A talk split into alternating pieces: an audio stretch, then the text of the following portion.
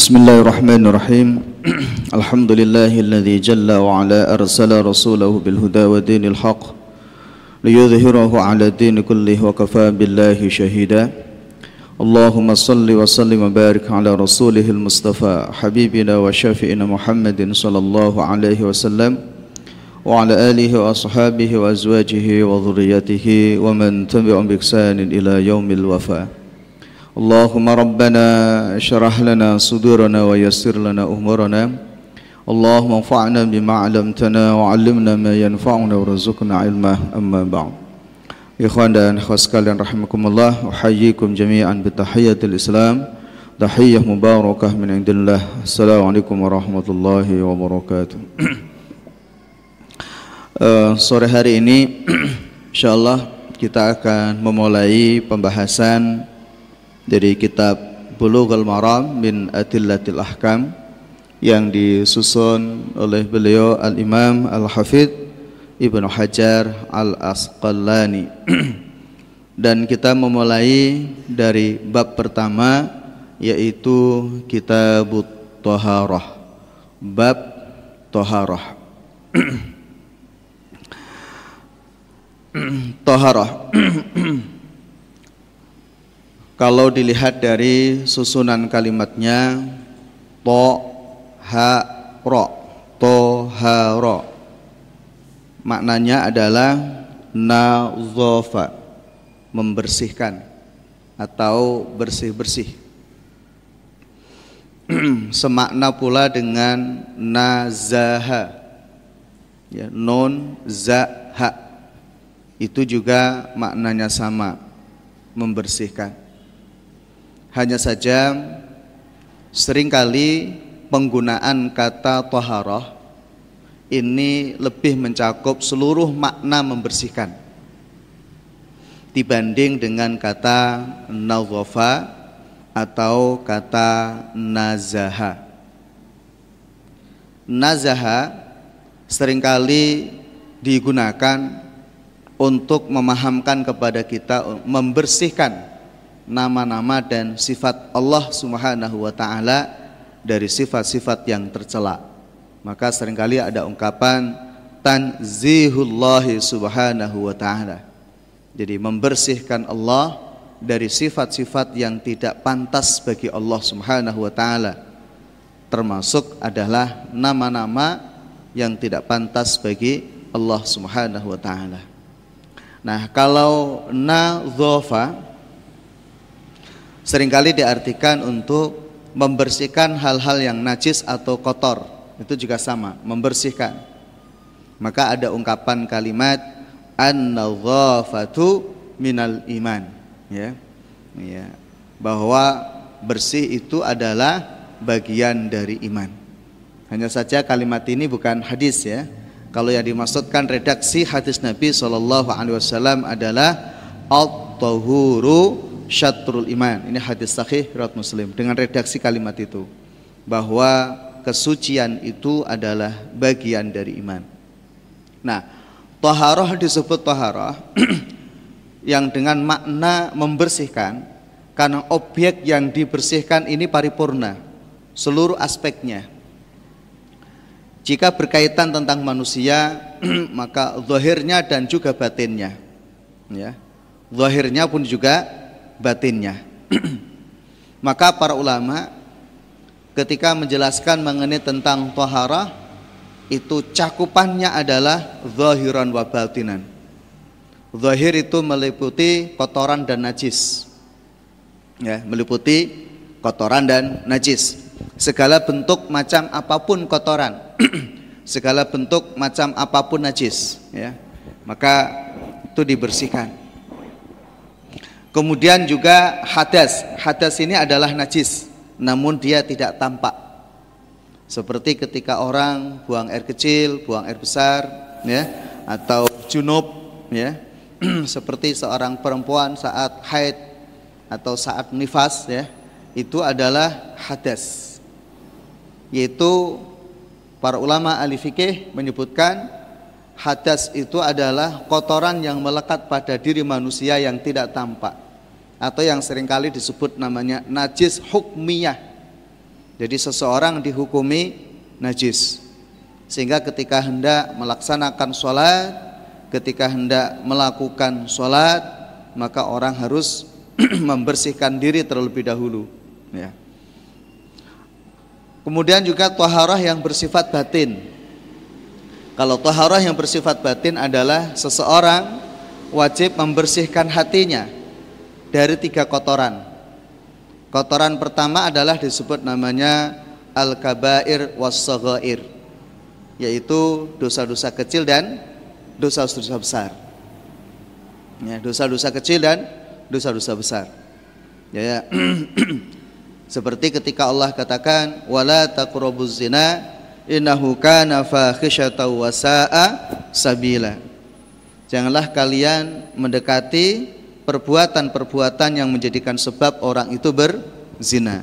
Maka ketika seseorang berjabat tangan lawan jenis ya, laki-laki, perempuan yang bukan mahramnya, maka itu adalah berdosa. Memandang lawan jenis hingga tertarik syahwat, maka itu adalah berdosa. Ya. Para ulama menjelaskan tapi dosa-dosa itu tidak termasuk dosa al-kabair atau dosa besar tapi masuk dalam kategori as-saghair, dosa dosa kecil. Nah, apa yang termasuk dosa-dosa besar ya? Zina itu sendiri atau hibah atau namimah, mengadu domba, ya termasuk dosa riba. Nah, itu adalah dosa-dosa yang wajib dibersihkan dari diri seseorang. Nah, kemudian yang kedua adalah dosa lain selain itu adalah asyirku billah yaitu menyekutukan Allah Subhanahu wa taala dan juga al-kufru billah, kufur kepada Allah Subhanahu wa taala. Ini juga harus dibersihkan. Ya, harus dibersihkan. Misalnya Allah katakan dalam Al-Qur'an, "Ya ayyuhalladzina amanu innamal musyrikuna najasun." Wahai orang-orang yang beriman, sesungguhnya orang-orang musyrik itu najis. Nah, yang dimaksudkan najis di sini bukan najis yang bersifat zahir ya. Fisiknya bukan tetapi adalah najis yang sifatnya adalah batin. Jadi hatinya yang najis karena menyekutukan Allah Subhanahu wa taala. Ya menyekutukan Allah Subhanahu wa taala. Nah kemudian yang ketiga adalah haskalahmukumullah yaitu kotoran-kotoran yang menghalangi antara hati seorang mukmin dengan Allah Subhanahu wa taala. Sesuatu yang menghalangi. Ya, apa itu contohnya? Hal-hal yang berhubungan dengan mahabbah, kecintaan. Ya. Misalnya Allah katakan dalam Al-Qur'an, "Wa minan nasi may yattakhidhu min dunillahi andada yuhibbunahum kahubbillah." walladzina amanu asyaddu hubban lillah. Jadi ada di antara manusia ini yang menjadikan selain Allah Subhanahu wa taala itu andat, tandingan. Mereka mencintainya seperti orang beriman mencintai Allah. Artinya apa ya sekalian? Kadangkala seseorang di dalam hatinya ada kecintaan kepada hal-hal yang selain Allah Subhanahu wa taala mungkin kecintaan terhadap keluarga, anak, kepada harta, jabatan, kedudukan, ya, atau kecintaan-kecintaan terhadap syahwat. Seperti misalnya Allah katakan, "Zuyyina lin-nasi hubbus syahawati minan nisa'i wal banina wal qanatiril muqantarati minadh dhahabi wal fiddah wal khaylil musawwamati wal an'ami wal hars" dan seterusnya. Ini ayat-ayat yang menjelaskan bahwa di dalam diri manusia kadangkala ada kecintaan-kecintaan kepada selain Allah yang itu menjadi sebab penghalang ya dan itu menjadi sebab penghalang antara hati dengan Allah Subhanahu wa taala. Nah, maka semuanya itu wajib dibersihkan. Ya, maka semuanya itu wajib wajib dibersihkan ya baik kotoran yang zahir berupa najis tadi hadas atau juga kotoran yang bersifat batin ya semuanya ini wajib dibersihkan nah sebagaimana juga hal itu disampaikan oleh beliau Al-Imam Al-Ghazali rahimahullah di dalam kitab Al-Ihya Ulumuddin. Belum jelaskan bahwa yang berkaitan tentang maratibut taharah, tingkatan-tingkatan taharah. Nah, beliau mengatakan tingkatan yang pertama adalah bahwa tathhirul zahir minal ahdasi wal anjas. Nah, ini perkataan Imam Ghazali. Bahwa seseorang itu harus membersihkan kotoran zahirnya yaitu hadas dan najis. Ya. Apa dalil dalam Al-Qur'an? Misalnya wasiyabaka fatahhir nah, dan pakaianmu maka cucilah ya, dan pakaianmu maka cucilah. Jadi ayat ini Allah sampaikan di dalam surat Al-Mudathir yang menjelaskan bahwa kotoran-kotoran yang zahir yang menempel pada pakaian atau juga yang lainnya maka itu wajib dibersihkan. Nah, termasuk ini yang nanti banyak yang kita bahas. Ya, kotoran-kotoran zahir berupa najis dan hadas. Kemudian yang kedua adalah kata Imam Ghazali tathhirul jawarih minal jaraim wal asam. Ya membersihkan fisik dari dosa dan kemaksiatan. Ya membersihkan dosa mata membersihkan dosa telinga membersihkan dosa mulut dan lain sebagainya. Ya tangan kaki ya. Nah ini dosa-dosanya wajib dibersihkan kemudian yang ketiga adalah tathhirul qalb minal akhlaqil madhmumah membersihkan hati dari akhlak-akhlak yang tercela. Ya, seperti apa? Sombong, ya, apalagi buruk sangka dan lain sebagainya. Ya, ini tuh kotoran-kotoran yang melekat pada hati dan itu akan mempengaruhi perilaku seseorang. Maka Rasulullah SAW katakan, "Ala wa inna fil jasadi lamudghah in saluhat saluhal jasadu kullu wa in fasadat fasadal jasadu kullu ala wahya al qalb. Ya. Perhatikanlah bahwa di dalam diri seseorang itu ada segumpal daging. Kalau itu baik baik semuanya. Kalau itu rusak rusak semuanya. Apa itu? Al qalb. Nah itu maka kotoran-kotoran yang melekat pada diri hati seseorang yang itu akan mempengaruhi akhlak dan perilaku seseorang itu wajib dibersihkan Nah, kemudian yang ketiga, keempat kata Imam Ghazali adalah tathhir sir amasi wallahi taala, yaitu membersihkan batin. Membersihkan batin seseorang dari segala sesuatu yang menghalangi antara diri seseorang dengan Allah Subhanahu wa taala. Ya, salah satu contoh tadi, hal-hal yang berhubungan dengan mahabbah.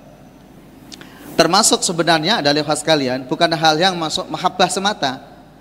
Tetapi kalau para ulama ahli spiritual itu menjelaskan tentang al-ma'lufat ya. Al-ma'lufat itu apa? Sesuatu yang disukai. Apa saja? Misalnya game. Ada yang suka game di sini? Saking senangnya bermain game sampai melupakan sholat misalnya. Ya, sampai meninggalkan sholat atau lupa dari kewajiban-kewajiban yang sesungguhnya harus dia lakukan. Nah, hal-hal seperti itu semuanya itu wajib dibersihkan. Nah, membersihkan empat tahapan itu tadi, hasrahmukumullah, maka menggunakan kata toharo. Maka objek yang dicakup, cakupan objeknya dalam makna toharo itu lebih luas. Maka itulah yang disampaikan oleh Nabi Wasallam dalam hadis yang diriwayatkan oleh Imam Muslim. At-tahuru syatrul iman maka mensucikan diri itu adalah bagian dari iman. Mensucikan diri apa saja semuanya itu tadi. Zahirnya dari hadas dan najis, akhlaknya, hatinya, ya kan? Dan lain sebagainya. Jadi semuanya itu wajib dibersihkan. Nah, itu makna toharo. Baik. Kemudian berikutnya adalah tentang hukum toharoh. hukum taharah. Taharah dengan seluruh maknanya tadi, para ulama mengatakan wajib ain. Ada kalanya wajib kifayah. Apa taharah yang wajib ain? Bahwa setiap diri kita ini wajib membersihkan kotoran yang melekat pada diri kita ini.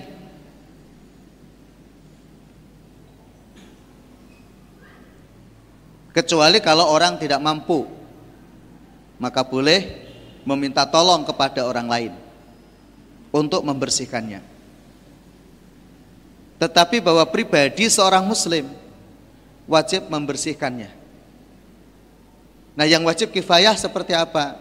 Kotoran-kotoran yang di luar dari badan seseorang, dari diri seseorang. Ya, misalnya di masjid atau di jalan atau di mana, maka itu masuk dalam bab wajib kifayah atau fardu kifayah. Nah, apa dalil yang mengatakan itu? Maka ayat tadi yang sudah kita sampaikan di surat Al-Mudathir. Wasiyabaka fatahir dan pakaianmu maka cucilah. Ya. Dan pakaianmu maka cucilah. Dan juga perilaku Rasulullah sallallahu alaihi wasallam dan para sahabat dan juga ajaran-ajaran Islam secara keseluruhan. Termasuk hadis tadi yang sudah kita sampaikan, at-tahuru syatrul iman. Maka kemudian syariat Islam ini prinsip utamanya itu adalah membersihkan. Orang puasa itu membersihkan dosa. Sholat membersihkan dosa. Mandi, wudhu membersihkan kotoran.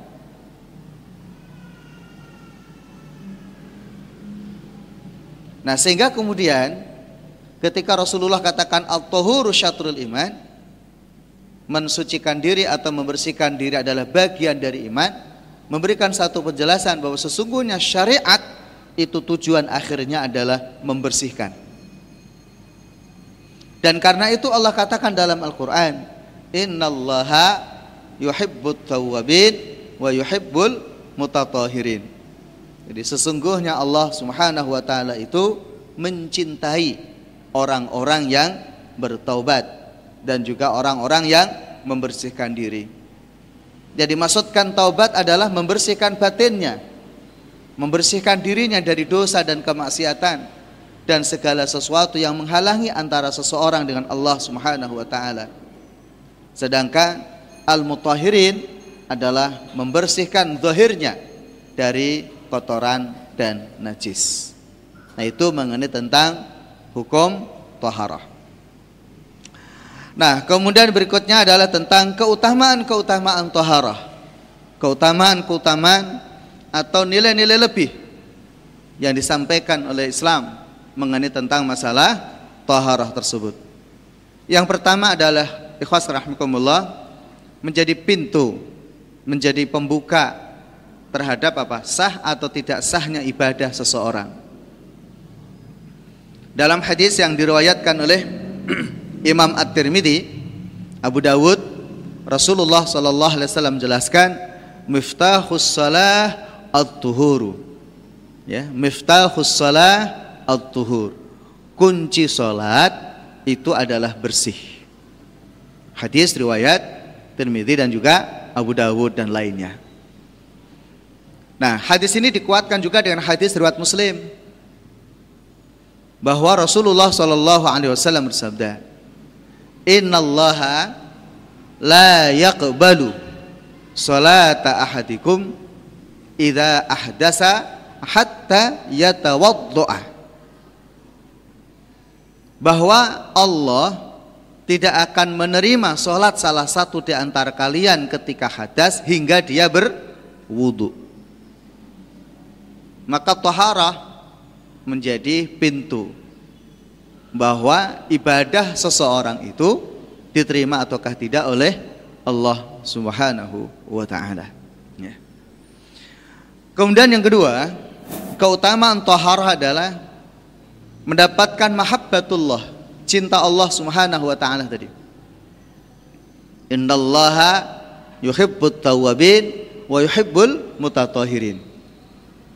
Ini ayat disampaikan oleh Allah dalam surah Al-Baqarah ya, ayat 222. Dan ayat itu sebelumnya adalah bicara tentang masalah haid. Yas'alunaka 'anil mahid qul huwa adzam fa'tazilun nisaa fil mahid.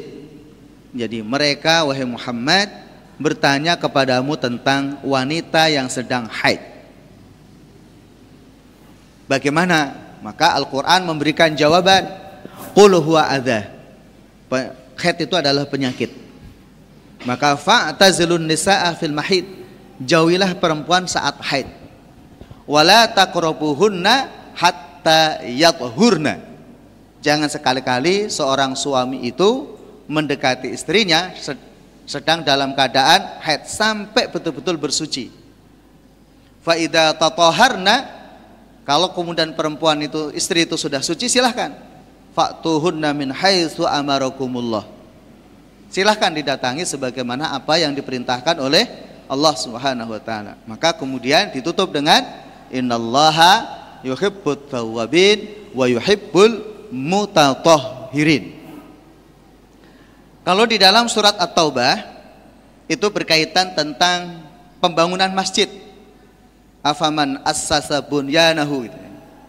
Ussisa 'ala taqwa min awwal yaumin an taquma fih fihi rijalu yuhibbuna ayatatahharu wallahu yuhibbul mutahhirin. Nah, ayat itu sebagai bentuk pujian Allah kepada masyarakat Kuba. Dan memang ayat itu Allah turunkan khusus bagi kaum muslimin yang ada di negeri Kuba. Ketika turun ayat itu, Rasulullah Shallallahu Alaihi Wasallam kemudian mendatangi mereka dan bertanya, apa yang kalian lakukan hingga Allah Subhanahu Wa Taala memuji kalian? Maka mereka menjawab, Ya Rasulullah, ketika kami itu buang air kecil atau ketika kami itu buang air besar, pertama kami membersihkannya dengan batu, setelah itu kemudian kami sempurnakan dengan air. Nah, perbuatan-perbuatan itulah yang kemudian Allah Subhanahu wa taala menyukainya. Kemudian ikhwas rahmukumullah, ayat ini dibawa kepada pemahaman terhadap cakupan yang lebih luas oleh para ulama ahli hukum bahwa segala bentuk macam apa pun toharoh membersihkan lingkungan membersihkan badan berpenampilan yang bersih ya dan lain sebagainya maka itu menjadikan salah satu sebab datangnya cinta Allah Subhanahu wa taala kepada hamba tersebut. Ya kepada hamba tersebut. Bahwa membersihkan diri dan membersihkan lingkungan itu adalah minal ibadah itu adalah bagian dari ibadah yang memiliki nilai mahabbah kecintaan Allah Subhanahu wa taala. Apalagi jika dihubungkan dengan masjid. Bahwa Allah katakan fihi rijalun yuhibbuna ayat di dalam masjid itu terdapat orang-orang yang senang membersihkan diri mereka. Maka kalau kemudian kita lihat ayat ini, masjid itu di antara tujuan utamanya adalah untuk beribadah, untuk membersihkan jiwa. Ya. Kenapa? Sujudnya hanya kepada Allah, rukuknya hanya kepada Allah semata. Tidak boleh sujud kepada selain Allah dan tidak boleh rukuk kepada selain Allah. Maka masjid dinisbatkan kepada Allah disebut namanya Baitullah, rumah Allah. Ya. Walaupun Baitullah yang agung sering kali dinisbatkan kepada apa? Masjidil Haram atau Ka'bah Al-Musyarrafah. Tapi bahwa masjid-masjid yang dibangun oleh kaum muslimin ya, di luar itu juga dinisbatkan dengan sebutan-sebutan apa? Baitullah, rumah Allah Subhanahu wa taala. Begitu juga di dalam surat Al-Jin Allah katakan, "Wa annal masajida fala tad'u ma'allahi ahada." Bahwa masjid itu ketika orang berada di dalam masjid tidak boleh beribadah, tidak boleh berdoa, tidak boleh berseru kepada selain Allah, hanya kepada Allah Subhanahu wa taala semata. Tidak boleh melakukan perbuatan-perbuatan yang menyekutukan Allah di dalam masjid dan juga tidak boleh melakukan perbuatan-perbuatan dosa di dalam masjid. Ya. Maka dalam hadis yang diriwayatkan oleh Imam At-Tabrani dan juga yang lainnya, Rasulullah SAW menjelaskan bahwa di antara fungsi utama masjid itu adalah untuk sholat, zikir, dan membaca Al-Quran. Untuk kajian boleh kak? Boleh. Kajian itu jika yang dibahas adalah ilmu-ilmu Allah Subhanahu wa taala, hukum-hukum syariat, maka itu masuk dalam kategori makna zikir secara umum bahwa dalam hadis riwayat Tirmizi Rasulullah sallallahu alaihi wasallam katakan idza marartum bi riyadil jannah farta'u. Jika kalian berjalan dan kemudian melewati taman surga bergabunglah dengan taman surga tersebut. Maka para sahabat bertanya wa mariyadul jannah? Dan apa taman surga itu wahai Rasulullah? Maka Rasulullah sallallahu alaihi wasallam katakan hilaqul dzikri Ya, menggunakan kata hilaqul dzikri, halaqah, halaqah zikir. Nah, termasuk tolabul ilmi adalah bagian dari berzikir kepada Allah Subhanahu wa taala. Karena sesungguhnya ikhlas rahmatullah, kalau kemudian kita melihat nilai-nilai pahala dan nilai-nilai keutamaan yang disampaikan oleh Rasulullah sallallahu alaihi wasallam, di antara keutamaan orang menuntut ilmu itu pahalanya sederajat dengan mereka yang berjihad di jalan Allah Subhanahu wa taala. Maka Imam Ibnu Al-Qayyim Al-Jauziyah dalam kitab Zadul Ma'ad ketika belum menjelaskan mengenai tentang maratibul jihad, tahapan-tahapan atau tingkatan-tingkatan jihad, salah satu di antara adalah belum menempatkan yang pertama adalah bitolabil ilmi, yaitu dengan menuntut ilmu. Ya, dengan menuntut ilmu. Jadi ketika orang duduk di dalam satu majelis taklim, ya, maka seluruh makhluk berdoa. Bahkan sampai ikan yang ada di lautan berdoa. Apa doanya? Allahumma salli alaihim, Allahumma arhamhum. Ya Allah, berilah salawat kepada mereka yang duduk dalam majelis taklim. Dan berilah kasih sayang mereka yang duduk dalam majelis taklim dan ampunilah dosa-dosa mereka yang duduk di dalam majelis taklim. Hingga juga ada hadis yang diriwayatkan oleh Imam Ahmad, "Ad-dunya kulluha mal'unun wa mal'unatun ma fiha." Dunia ini dan juga seluruh isinya itu terlaknat dan juga apa yang ada di dalamnya, semuanya terlaknat. Illa kecuali orang yang belajar, kecuali orang yang berzikir. Dalam riwayat lain ada tambahan dan suami istri yang bercengkrama. Ini memberikan satu petunjuk bahwa sesungguhnya tolabul ilmi adalah minat zikri, bagian dari berzikir kepada Allah Subhanahu wa taala. Dan juga banyak uh, sirah atau pelajaran-pelajaran yang bisa kita ambil dari sejarah para sahabat, para tabi'in, mereka menjadikan masjid adalah sebagai tempat untuk menuntut ilmu. Nah, kembali ke persoalan tadi fihi rijalun yuhibbuna ayatatahharu. Nah, Kemudian para ulama memberikan sedikit tambahan pembahasan. Apa perbedaan kata muttohirin dan mutatohirin? Ya. Kalau kemudian kita lihat sambungan ayatnya, ikhwas rahmukumullah. Innallah yuhibbut tawabin wa yuhibbul mutatohirin. Ayat yang berkaitan tentang haid tadi.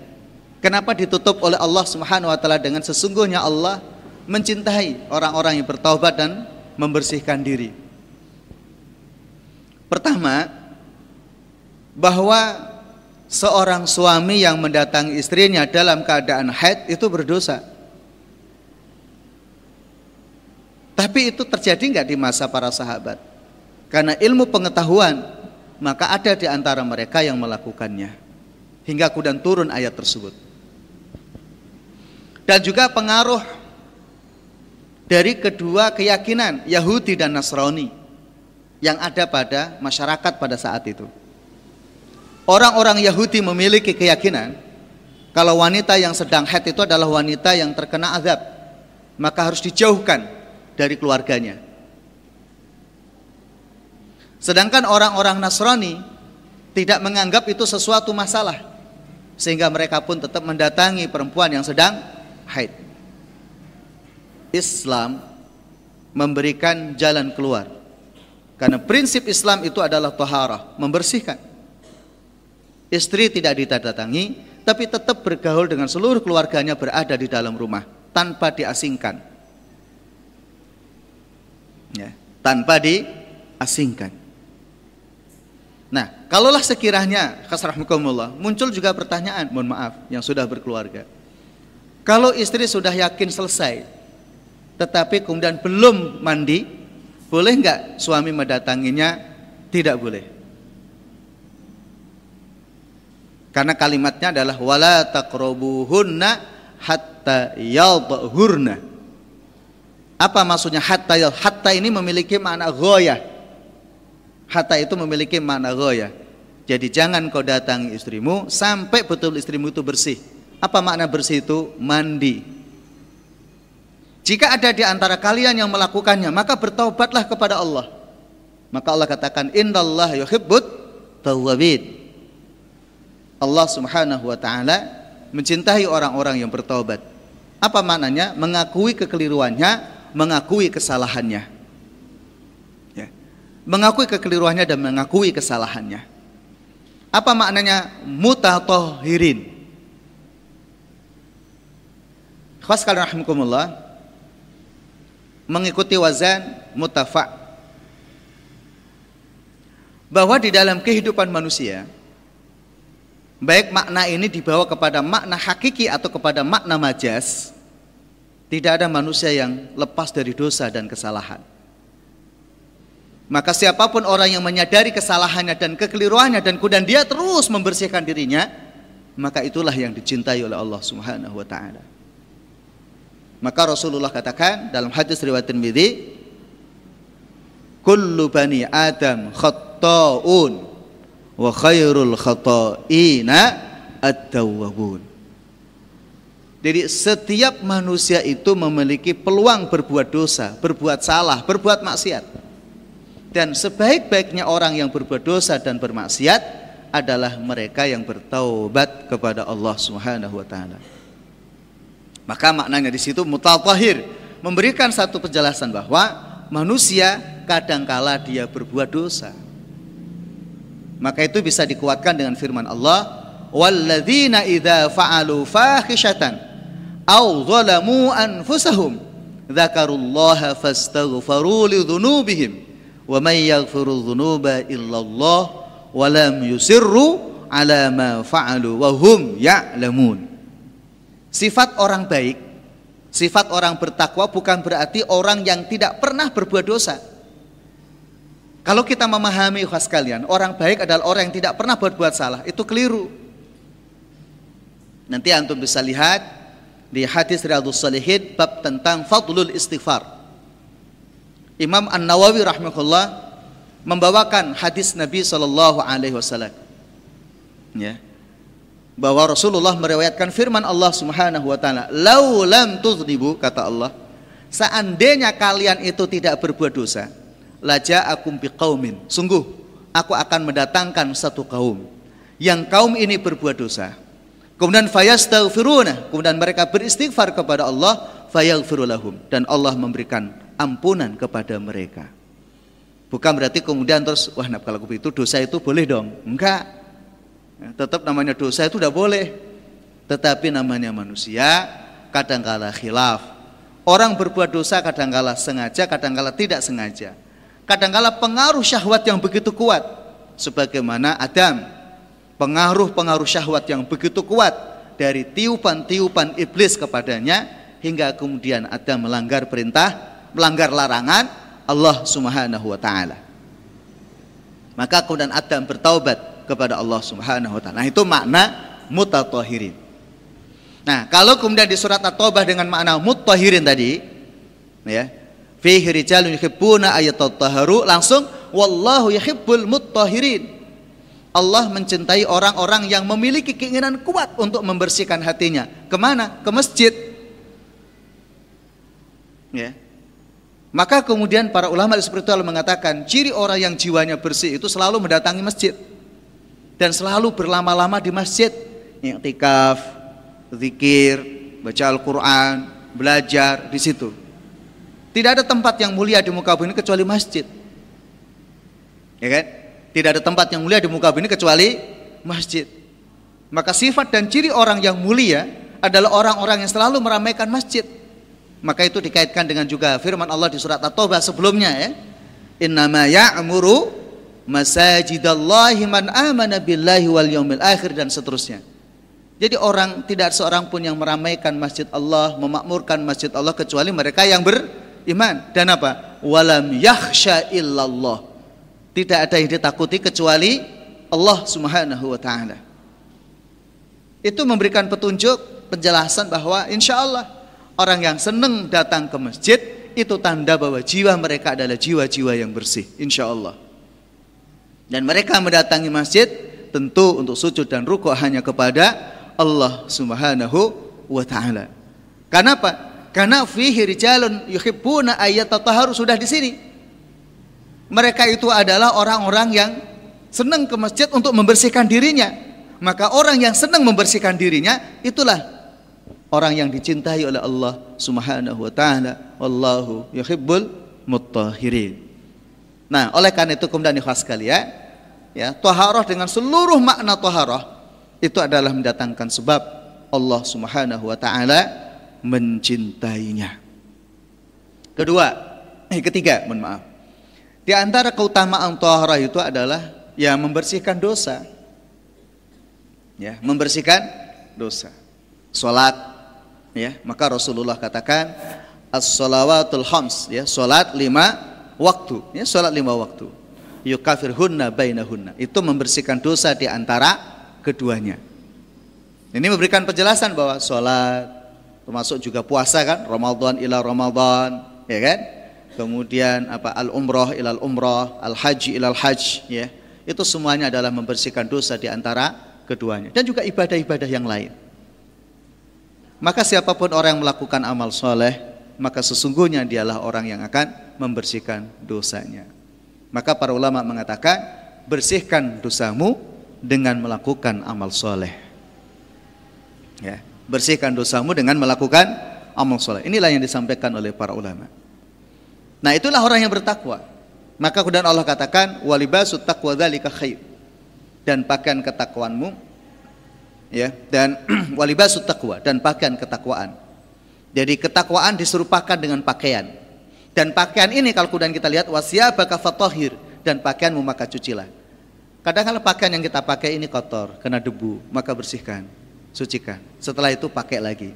Ketika dipakai kotor, suci lagi dan begitu seterusnya. Dengan cara apa? Maka orang membersihkan itu adalah amal soleh.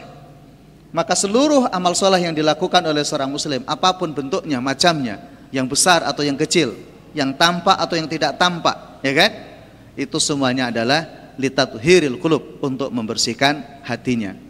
Maka siapa pun orang yang memiliki keinginan kuat untuk melaksanakan itu, maka ibadahnya diterima oleh Allah, dicintai oleh Allah dan dosa-dosanya dibersihkan oleh Allah Subhanahu wa taala. Nah, itu di antara keutamaan-keutamaan toharah.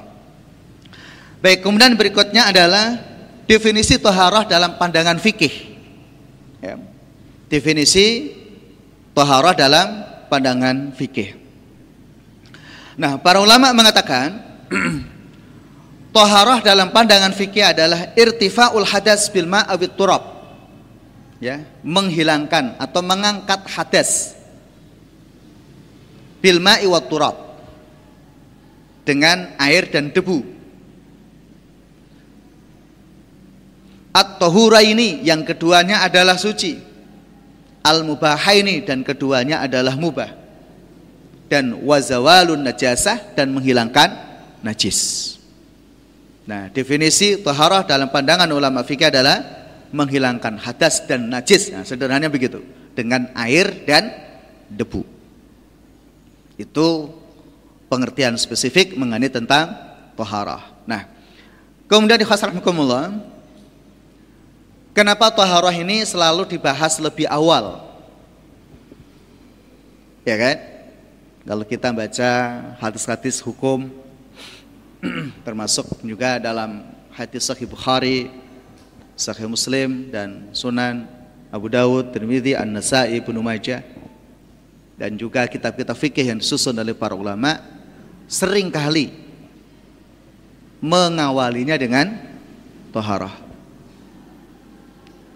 Rukun Islam, syahadat, salat, zakat, puasa dan haji. Setelah seseorang bertauhid kepada Allah Subhanahu wa taala, ya kan? Rukun Islam yang kedua itu apa? Salat. Dan salat seseorang tidak akan diterima oleh Allah kecuali dia suci. Maka sebelum bicara salat, bicara tentang apa? Bersih-bersih dulu. Karena bersih-bersih inilah yang akan menjadikan sebab salat itu diterima oleh Allah Subhanahu wa taala. Kalau bersih-bersihnya beres, maka salatnya diterima. Kalau bersih-bersihnya tidak beres, sholatnya tidak diterima. Ya. Seperti hadis tadi yang sudah kita sampaikan, innallaha yakbalu salata ahadikum hatta yatawaddu'a idza hadasa. Idza ahdasa atau idza ahdasa hatta yatawaddu'a.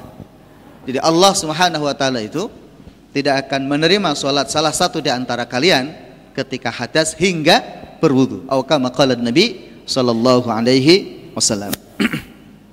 nah, Kemudian berikutnya adalah rahmatullah. Dengan apa seseorang itu membersihkan najis dan hadas? Bil ma'i wat turab. Dengan air dan debu.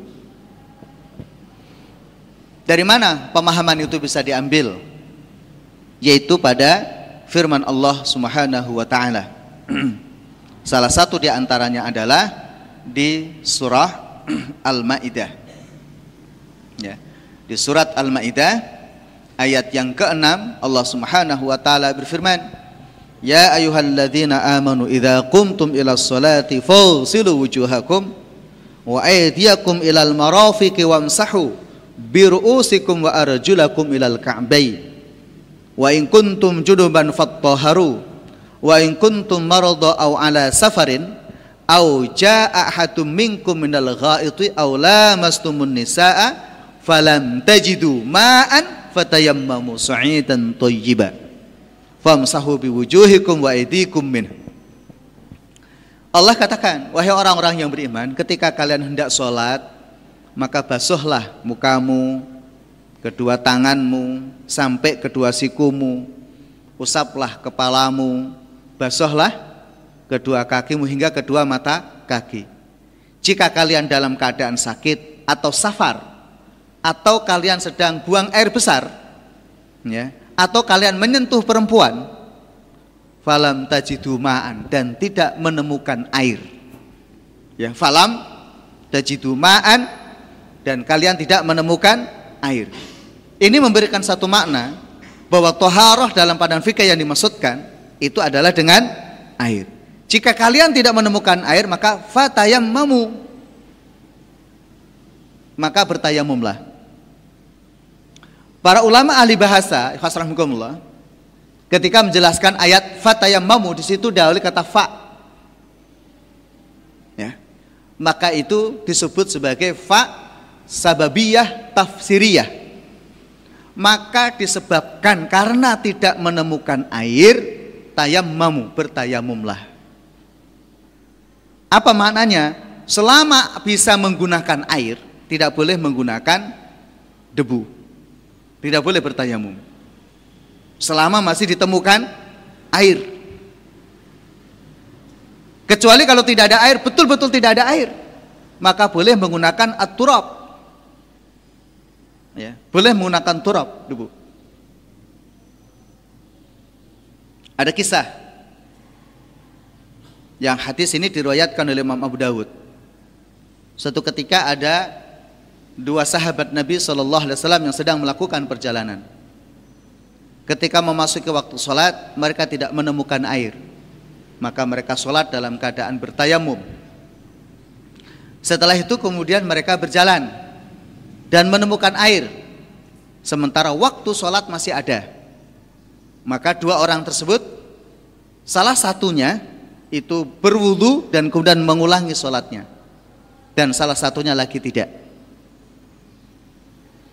nah berita ini peristiwa ini sampai kepada Rasulullah Sallallahu Alaihi Wasallam ya, sampai kepada Rasulullah Sallallahu Alaihi Wasallam dan kemudian Rasulullah memberikan penjelasan kamu yang mengulangi sholat mendapatkan dua pahala.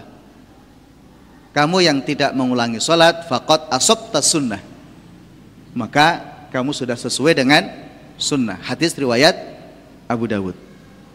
Nah, dari hadis ini, khasrahmukumullah, maka para ulama ahli fikih bicara tentang debu, turab.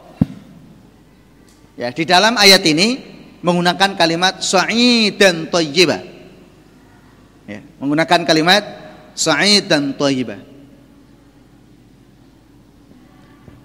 Tayamum itu pengganti wudhu saat tidak ada air ataukah menempati kedudukan wudhu. Maka Al-Imam Ash-Syafi'i rahimahullah mengatakan bahwa tayamum itu hanya boleh dilakukan ketika betul-betul tidak ada air dan itu hanya mengganti apa yang tidak ada maka tayamum itu hanya sebagai niabah, pengganti saja. Oleh karena dia sebagai pengganti, maka ketika menemukan penggantinya yang diganti, maka kembali hukumnya kepada asolahnya. Maka ada kaidah fikih dalam madhab syafi'i itu, idza ja'al ma batolat tayamum. Ketika ada air, maka tayamumnya menjadi batal.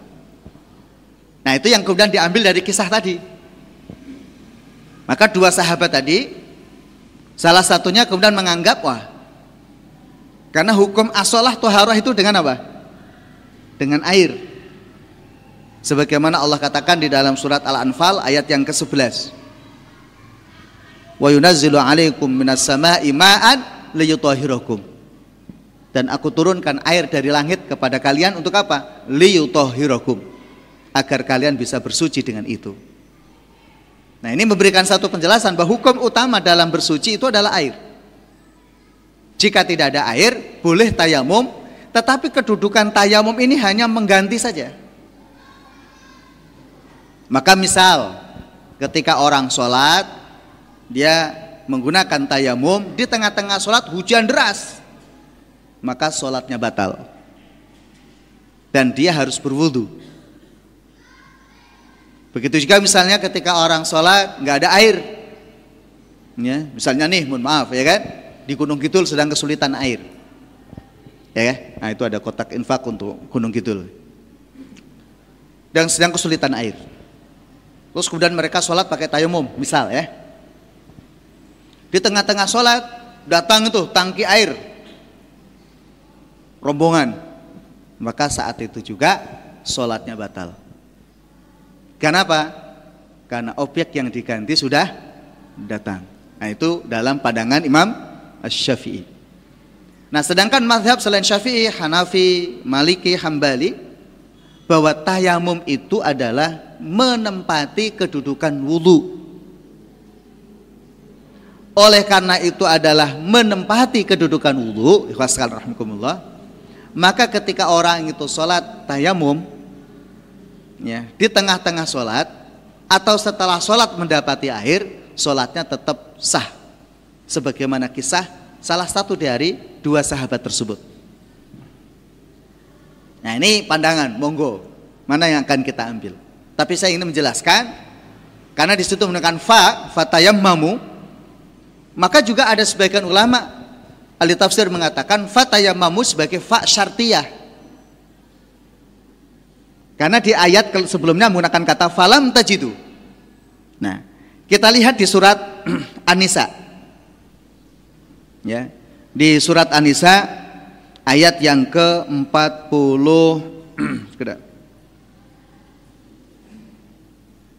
Ayat yang ke-44. Ya.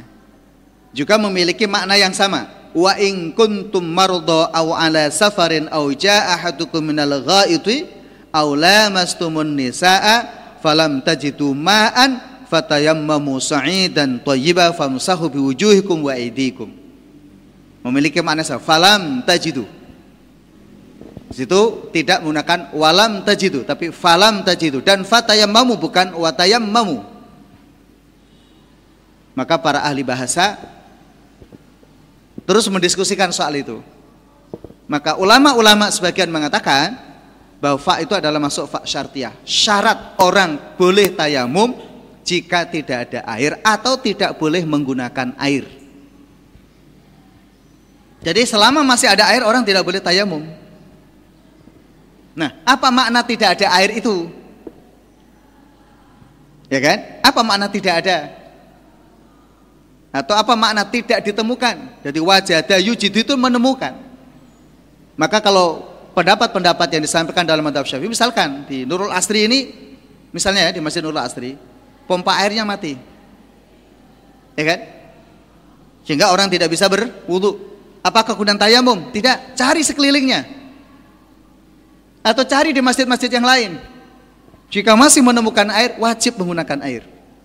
Atau mendapatkan informasi di sana ada air, maka tetap wajib. Bahkan sekalipun ketika air itu harus membeli.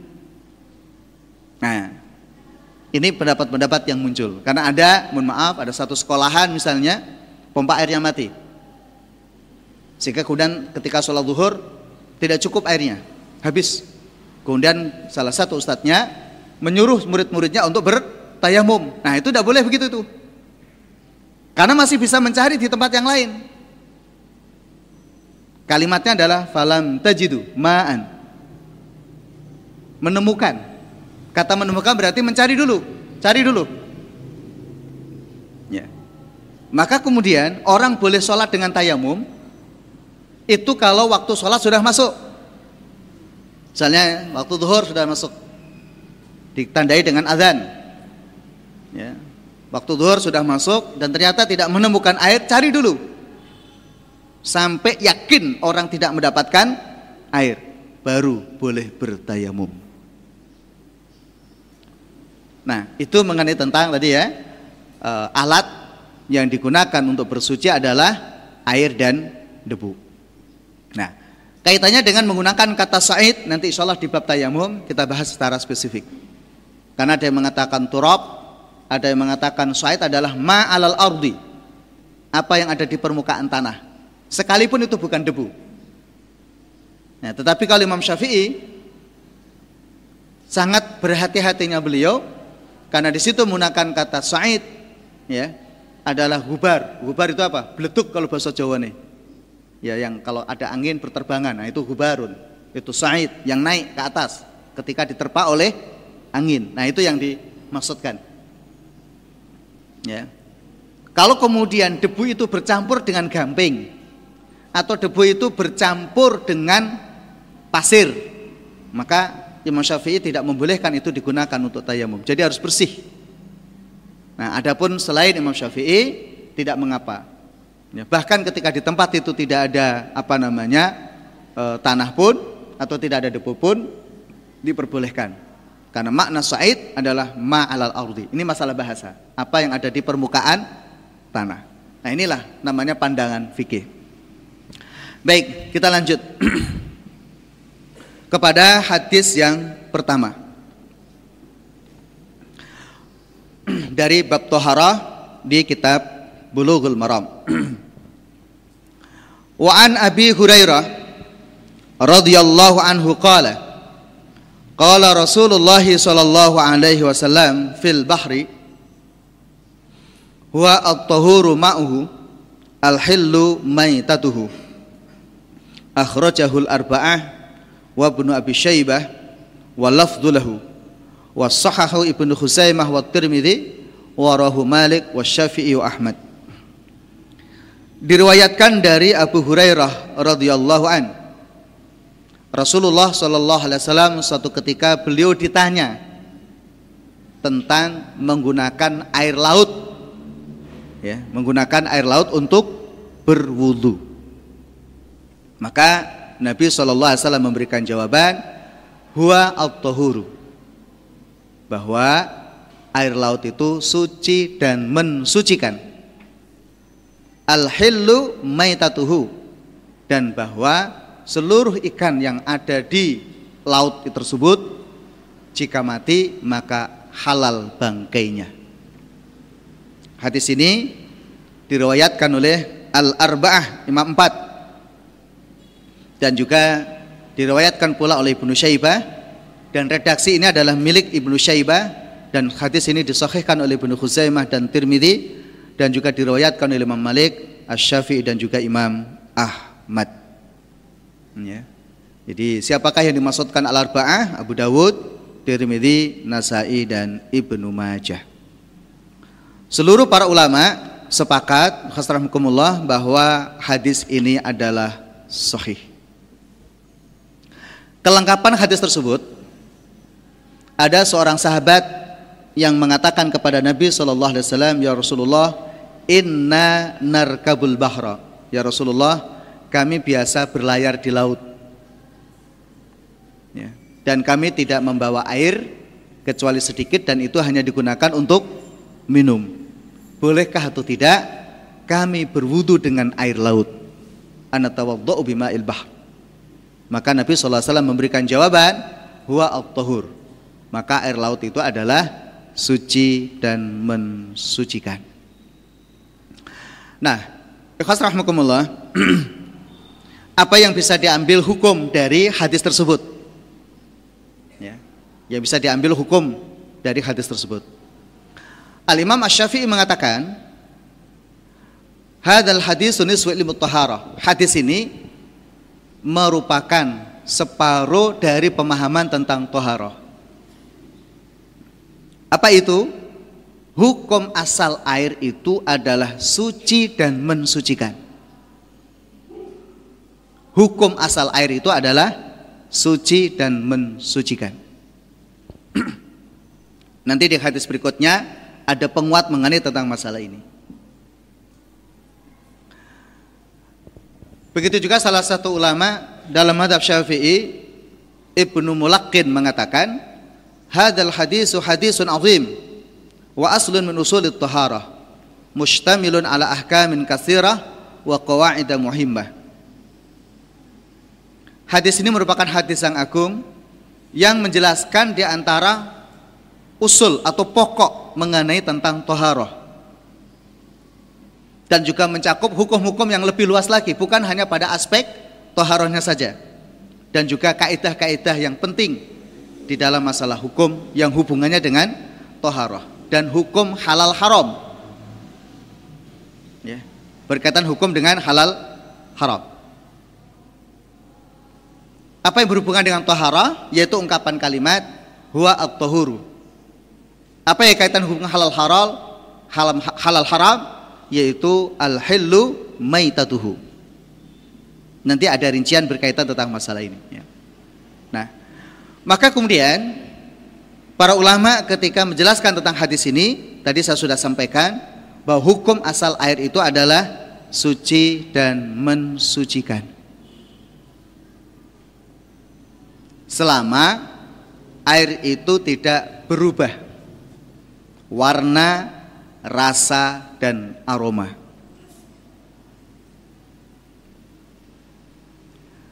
Kemudian para ulama membahas lagi Air yang boleh digunakan berwudu hanya ada dari dua arah Turun dari langit atau bersumber dari bumi Apa yang turun dari langit? Yaitu hujan dan embun atau es atau salju. Salah satu doa yang diajarkan oleh Nabi SAW adalah Allahumma aghsilni khatayaya bil ma'i wasalji wal barudi. Hadis sahih riwayat Abu Dawud. Ya Allah, bersihkan atau sucikanlah dosa-dosaku, kesalahan-kesalahanku dengan air salju, dan embun. Nah, terus apa yang kemudian dari tanah? Yaitu salah satu di antara adalah sumber itu adalah dari laut, kemudian sungai dan sumur, mata air. Nah, kalau dalam kitab takrib itu dijelaskan bahwa air yang boleh digunakan untuk bersuci itu ada tujuh macam. Satu, air hujan. Dua, air es atau salju ketiga adalah air embun, keempat adalah air sumur, kelima adalah sungai, dan keenam adalah mata air.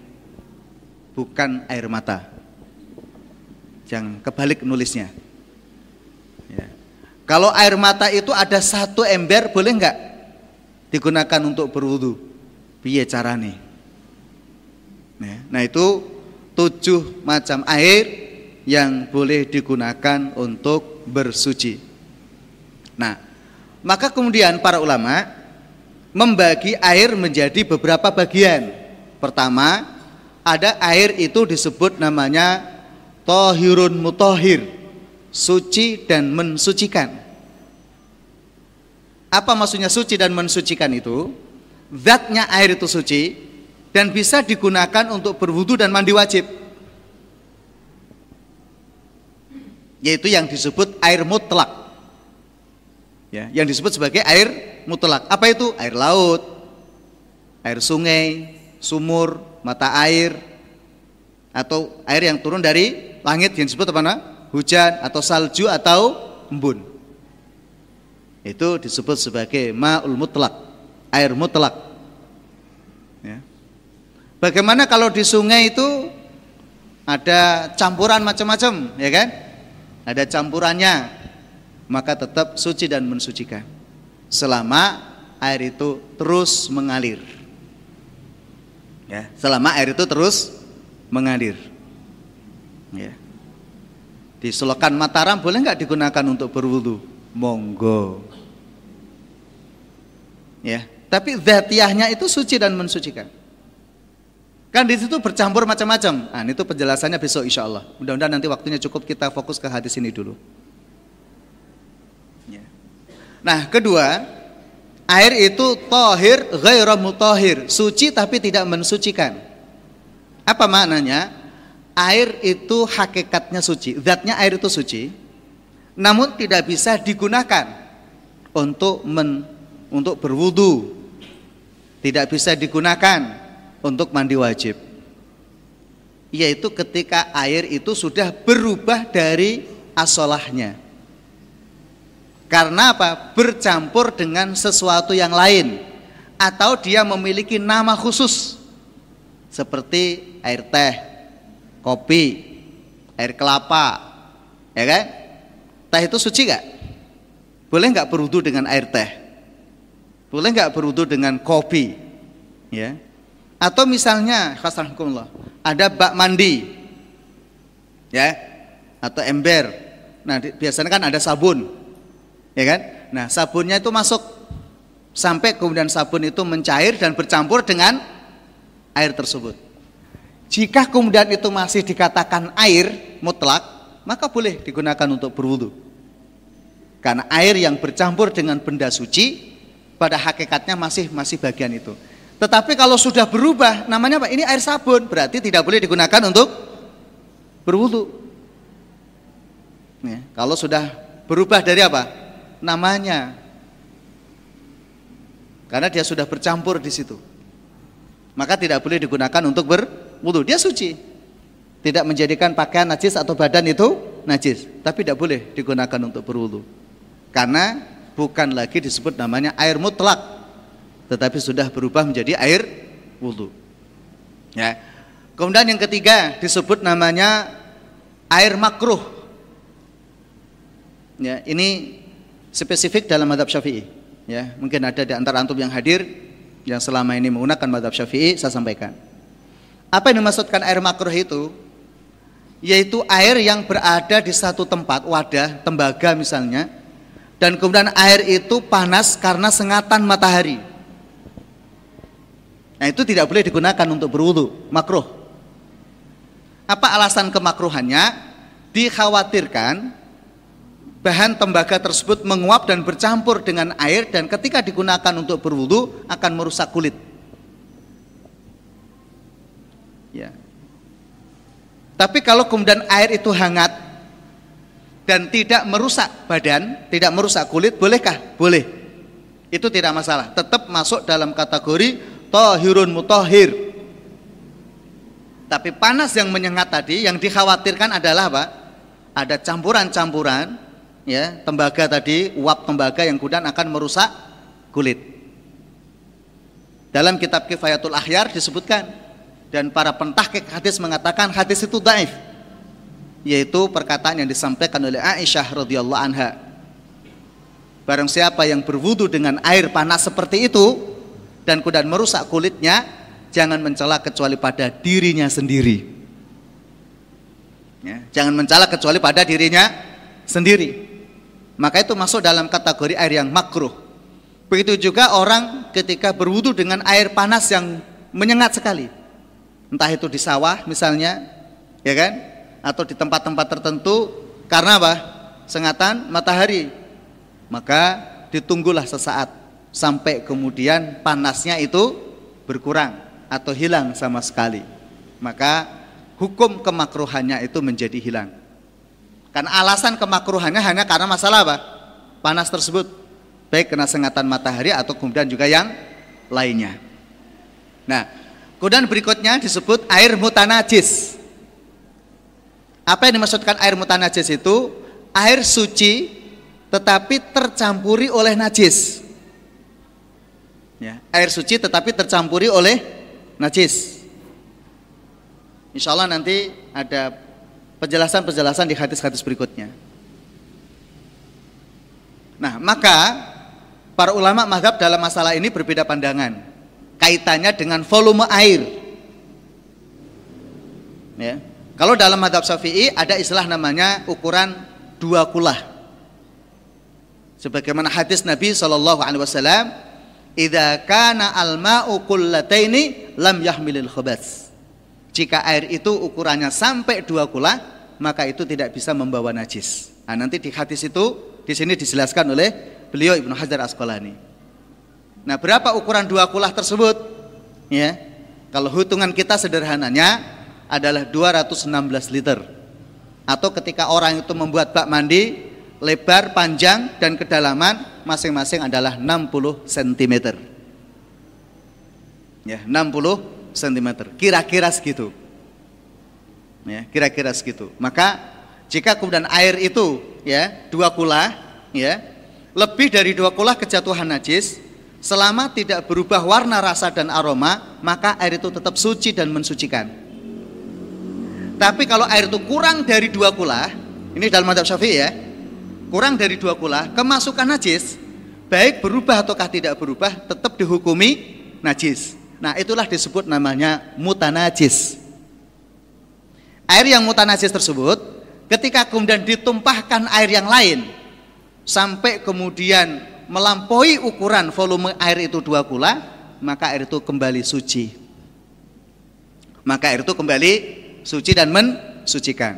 Nah, sedangkan madhab selain Imam Syafi'i tidak peduli air itu kurang dua kula atau lebih dari dua kula. Kalau air itu kemasukan najis, ya, air itu kemasukan najis, ya kan? Selama tidak berubah rasa, warna dan aroma, maka tetap dianggap suci dan mensucikan. Nah, kemudian berikutnya lagi ada istilah namanya air mustakmal. Apakah yang disebut air mustakmal itu? Air yang sudah selesai digunakan bersuci. Dalam madhab syafi'i, air mustakmal tidak boleh digunakan. Kecuali jika kemudian air mustakmal ini jumlahnya lebih dari dua kula. Kalau jumlahnya kurang dari dua kula, maka tidak boleh. Nah, terakhir disebut namanya air najis. Apa itu air najis? Bisa jadi air suci yang sudah berubah menjadi najis, misalkan mohon maaf e, kecampuran kotoran ya, seperti buang air kecil atau orang buang air besar. Nah, ya. Atau juga ada yang mengatakan air najis adalah zatnya najis itu sendiri. Nah, itu macam-macam air. Nah, di dalam persoalan di sini at-tahuru huwa at-tahuru itu maka memberikan satu penjelasan bahwa air laut kembali tadi ya, air laut sekalipun rasanya asin, sekalipun kadangkala berbau tidak sedap, mungkin karena pencemaran, ya kan? Maka tetap air laut itu hukumnya adalah suci dan mensucikan. Ya. Maka air laut itu tetap suci dan mensucikan. Jadi tidak berubah dari kemutlakan airnya. Ya, tidak berubah kemutlakan airnya. Ya. Baik, kemudian berikutnya adalah tentang al-hillu maitatuhu. Nah, ini masalah hukum juga. Ya, al-hillu maitatuhu. seluruh hewan laut yang disebut ikan laut artinya masuk makhluk yang disebut makhluk laut maka para ulama mengatakan halal. Dan bangkainya pun juga halal. Sebagaimana hadis Nabi sallallahu alaihi wasallam uhillalana maitatani wa dammani dihalalkan kepada kami dua bangkai dan dua darah apa itu dua bangkai? Yaitu al-jaradu wassamak, yaitu belalang dan ikan. Nah, biasanya kalau di musim kemarau seperti ini banyak belalang dari mana itu? Wonosari ya, Gunung Kidul ya. Ya, Masya Allah, enak tenan. Coba, coba, coba. Kecuali yang antum takut karena apa? Alergi ya. Tapi serius, enak. Ya, halal. Yang kedua adalah ikan. Selama itu disebut ikan, maka itu adalah halal. Nah, mengenai tentang masalah ini, para ulama madhab berbeda pandangan. Ya, Zahaba al-Imam Abu Hanifah ila ibahatis samak bijami anwa'ihi. Abu Hanifah mengatakan bahwa seluruh nama ikan, seluruh jenis-jenis ikan, maka itu adalah halal. Wa harrama ma'adahu. Haram jika ada makhluk yang hidup di laut atau di air tetapi menyerupai hewan darat. Contohnya adalah kalbul ma anjing laut babi laut ya. Itu adalah kalau dalam pendapat Abu Hanifah tidak boleh masuk dalam kategori hukum haram termasuk yang haram lagi adalah suban ular dengan seluruh jenisnya kalau belut ada yang mengatakan syubhat. Belut ada yang mengatakan syubhat. Tapi guru-guru kami mengatakan memasukkan dalam bab haram. Eh maaf, halal. Tapi di antara guru kami juga ada yang mengatakan belut, keong, tahu keong ya? Dan semacam keong lagi yang kecil-kecil itu, kalau kampung saya namanya besusul. Itu guru-guru ada yang mengatakan makruh atau syubhat. Karena menyerupai hewan darat karena bisa bertahan di darat. Jadi kalau musim kemarau gitu keong itu dia tetap hidup. Nah nanti ketika musim hujan datang dia apa namanya langsung dia bisa berinteraksi dengan air yang datang terhadapnya itu nah nah maka kemudian wa ghairu mimma ala huwa surati hayawanil bir fa innahu la yakhillu indahu menurut Abu Hanifah kalau kemudian ada hewan laut yang menyerupai hewan darat, maka itu tidak boleh dikonsumsi. Nah, wahdaba Imam Ahmad, ya, Imam Ahmad fil masyhur min madhabihi pendapat yang masyhur dalam madhabnya mengatakan ila ibahati hayawanil bahri kulli. Imam Ahmad mengatakan seluruh hewan yang ada di lautan maka itu adalah halal kecuali dof dofati kata dengan seluruh maknanya dengan seluruh jenisnya timsah buaya dengan seluruh jenisnya termasuk buaya darat.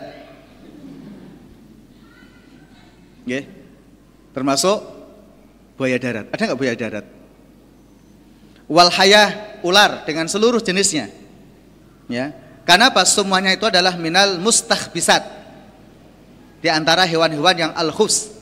Dalam Al-Qur'an Allah menyebutkan wa yuharrimu alaihimul khobais dan Allah mengharamkan kepada mereka al-khobais. Al-khobais itu apa? Hewan ya baik di lautan atau di daratan yang khubsun, yang menjijikkan, yang buruk, yang jelek. Contoh misalkan kecoa. Kecoa itu halal haram. Mungkin bagus juga suatu ketika ada keripik kecoa. Nah, tidak boleh ya. Kan itu masuk dalam kategori khubsun. Ya dalam kategori khubsun ya. Wa amat timsah fadhuna bin yaftaris. Sedangkan buaya itu memiliki taring. Ya, maka itu tidak boleh. Wa hadzaba al imamani Malik wa Syafi'i. Sedangkan Imam Malik dan Imam Syafi'i ya, Imam Malik dan Imam Syafi'i Keduanya mengatakan ila hati jami hayawanil bahri bila stisna. Seluruh hewan yang ada di lautan itu halal tanpa pengecualian. Termasuk buaya sudah jelas keharamannya karena memiliki apa? Taring, ular sudah jelas keharamannya. Yang jelas jelas keharamannya maka tidak termasuk di dalamnya. Ya. Yeah apa alasan yang digunakan oleh Imam Malik dan juga Imam Syafi'i? Allah katakan dalam Al-Qur'an, "Uhillalakum saytul bahri."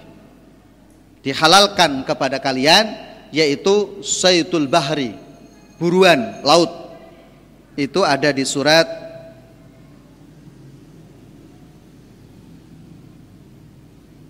Al-Maidah ayat 96. Uhilla lakum saytul bahri wa ta'amuhu mata'an lakum walisayyarah itu. Jadi dihalalkan kepada kalian saytul bahri, buruan laut.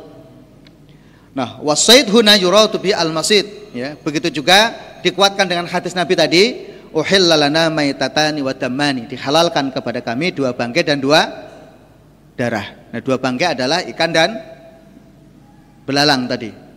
Ya, hadis ini diriwayatkan oleh Imam Ahmad, Ibnu Majah dan juga yang lainnya. Ya.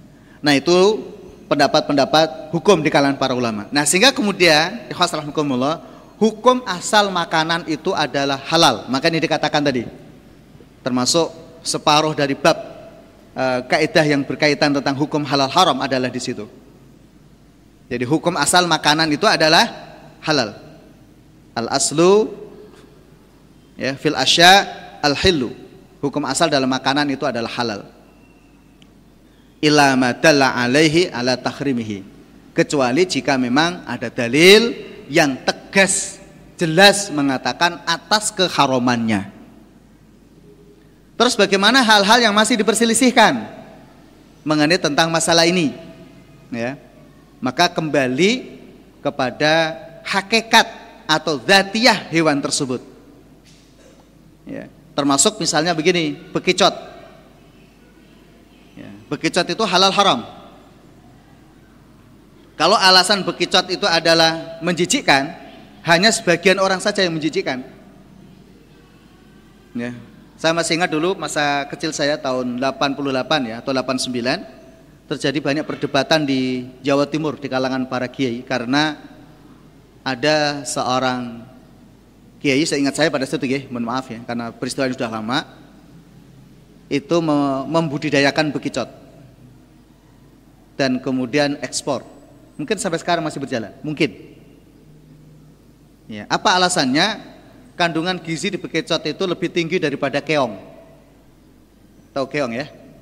Tapi apakah seperti itu? Maka ada yang mengatakan, guru-guru kami mengatakan bekicot itu haram. Kalau keong itu syubhat. Ya. Terus bagaimana dengan kepiting sawah? Tahu kepiting sawah ya? Kalau bahasa kamu saya disebut yuyu. Ya, yuyu. Yuyu ini bukan Mbak Yu ya. Kalau bahasa Jawa yu itu kan mbak perempuan ya kakak perempuan, yu yu mau ke mana yu gitu. Tapi yu yu dua kali bukan berarti menyamakan Mbak Yu dengan kepiting sawah itu tadi bukan ya. Nah itu guru-guru kami juga mengatakan itu syubhat. Ya.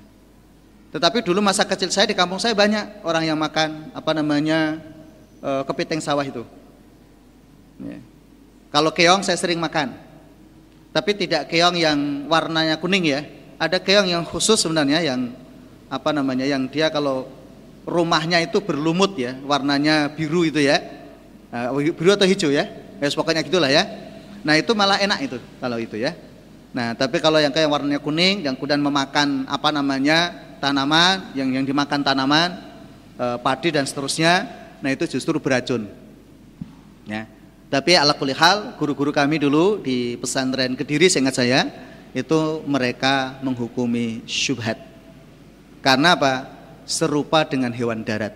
Karena dia bisa bertahan ketika musim kemarau. Maka ada istilah namanya apa namanya? hewan yang kemudian hidup di dua alam.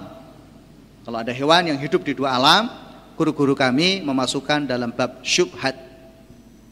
Karena tidak jelas statusnya, itu darat atau laut. Allah alam bisawab. Mudah-mudahan ini bermanfaat. Insya Allah esok kita lanjutkan lagi penjelasan hadis ahkam dalam kitab Bulughul Maram. Subhanakallahumma hamdika asyhadu an la ilaha anta astaghfiruka wa atubu ilaik. Assalamualaikum warahmatullahi wabarakatuh. Jazakallah khair kepada Ustadz uh, Solihun yang sudah menyampaikan materi pada sore hari ini. Kita tutup kajian sore hari ini dengan bacaan hamdalah dan doa kaftul majlis. Lebih dan kurangnya saya mohon maaf. Wassalamualaikum warahmatullahi wabarakatuh.